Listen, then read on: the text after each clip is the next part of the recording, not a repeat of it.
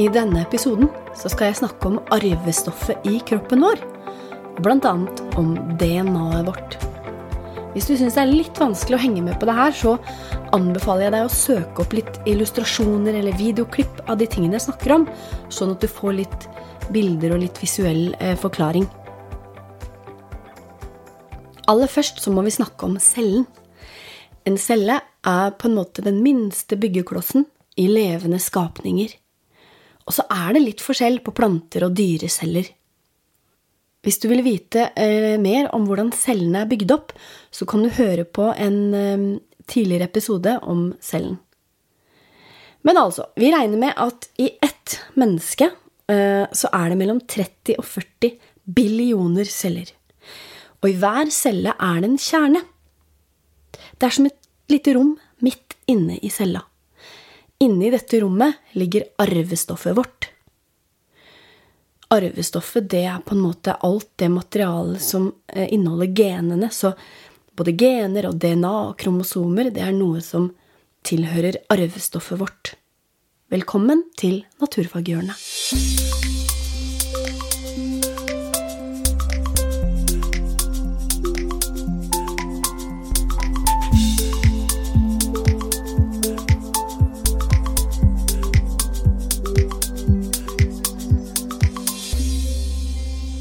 Du putter for eksempel et blad eller en liten bit av huden vår under et mikroskop, så kan du faktisk se cellene. Man ser tydelig skille mellom cellene, og man ser også cellekjernen. Hvis vi nå tenker at vi zoomer inn på cellekjernen, så vil vi se 46 kromosomer.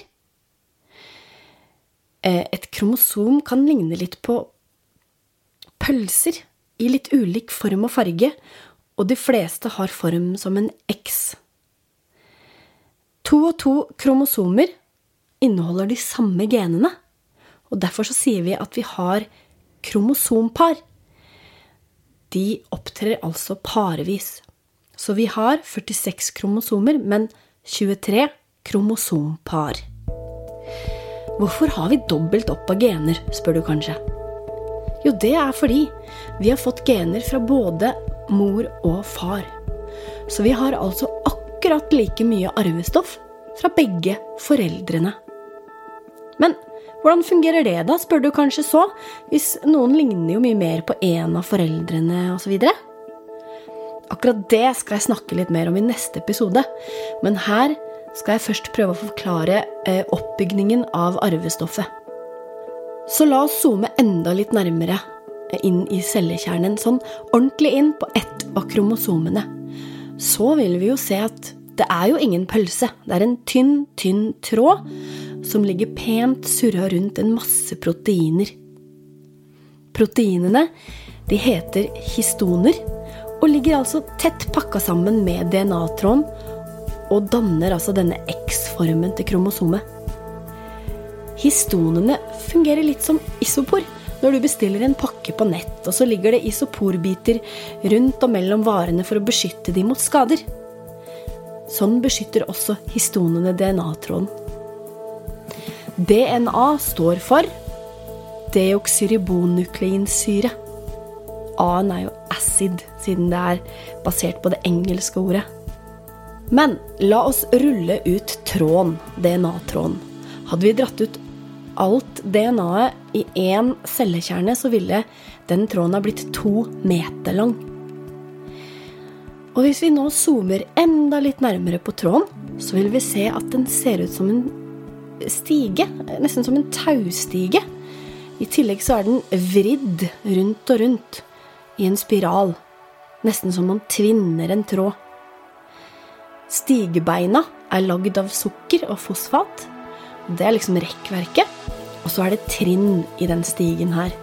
Og de trinna består av fire typer nitrogenbaser. Og de basene heter adenin, tymin, cytosin og guanin. Ofte bruker vi bare forbokstavene A, T, C og G. Disse basene vil binde seg i faste par, sånn at A og T alltid er kobla sammen, og C og G er alltid sammen. Så hvert trinn i den stigen består av enten AT eller CG.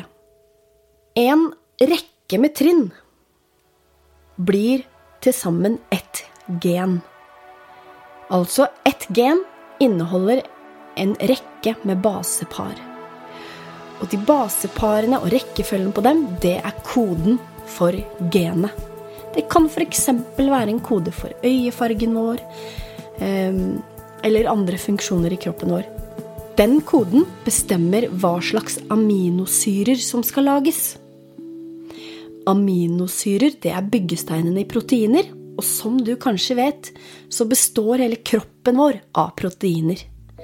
Så vi kan si da at DNA-tråden inneholder oppskriften på hvilke proteiner som skal lages, og hvordan de skal se ut. Jeg gjentar, enda litt forenkla, DNA-tråden er altså som en oppskriftsbok som inneholder oppskriften på hele kroppen vår. Utseendet vårt, funksjon og ulike oppgaver som skal gjøres i kroppen. Alle cellene i kroppen vår inneholder denne oppskriften. Alle cellene inneholder en to meter DNA-tråd. Og den ligger surra rundt i 46 kromosomer. Men det er ett unntak, og det er kjønnscellene våre. De inneholder kun 23 kromosomer, altså halvparten så mange som de andre cellene. Det er fordi kjønnscellene kan jo slå seg sammen. Altså en eggcelle skal jo smelte sammen med en sædcelle. Og da har de 23 kromosomer hver. Og når de smelter sammen, så blir de til en fullverdig vanlig celle med 46 kromosomer.